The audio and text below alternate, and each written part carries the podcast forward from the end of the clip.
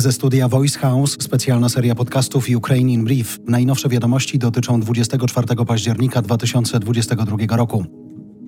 Brudna bomba. Minister obrony Rosji straszy nią w rozmowach ze swoimi odpowiednikami z USA, Francji, Wielkiej Brytanii i Turcji, ale sugeruje, że to Ukraina chce jej użyć na swoim terytorium. Rosyjska agencja RIA Novosti idealnie się w tę narrację Szojgu wpisuje, sugerując, że Ukraińcy przygotowują się do zdetonowania bomby atomowej, żeby potem oskarżyć Rosję o użycie broni masowego rażenia. Komentarz Kijowa to absurd. Jak piszą analitycy Ośrodka Studiów Wschodnich, ostrzeżenia na temat rzekomej gotowości użycia brudnej broni nuklearnej przez Ukrainę to próba szantażu. Grożenie drastyczną eskalacją konfliktu to stały element rosyjskiej gry. Kreml chciałby przestraszyć tym Zachód i skłonić go do zatrzymania ofensywy ukraińskiej. Sytuacja sił rosyjskich w rejonie Hersonia jest coraz gorsza. W leżącym 80 km Berysławiu wszystkie władze okupacyjne przestały funkcjonować, a kolaboranci uciekli z miasta, pisze OSW. Administracja zażądała, żeby mieszkańcy Hersonia natychmiast opuścili miasto i przeszli na lewy brzeg Dniepru.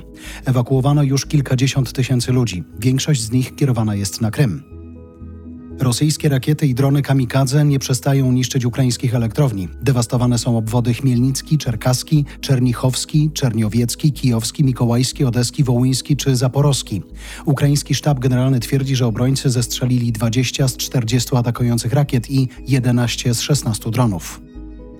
Ukraińska armia ruszyła ze specjalną kampanią informacyjną skierowaną do obywateli Białorusi. W social media pojawił się film w języku rosyjskim z apelem, żeby Białorusini nie walczyli z Ukrainą, bojkotowali ewentualne rozkazy przystąpienia do wojny. To było Ukraine in Brief od Voice House.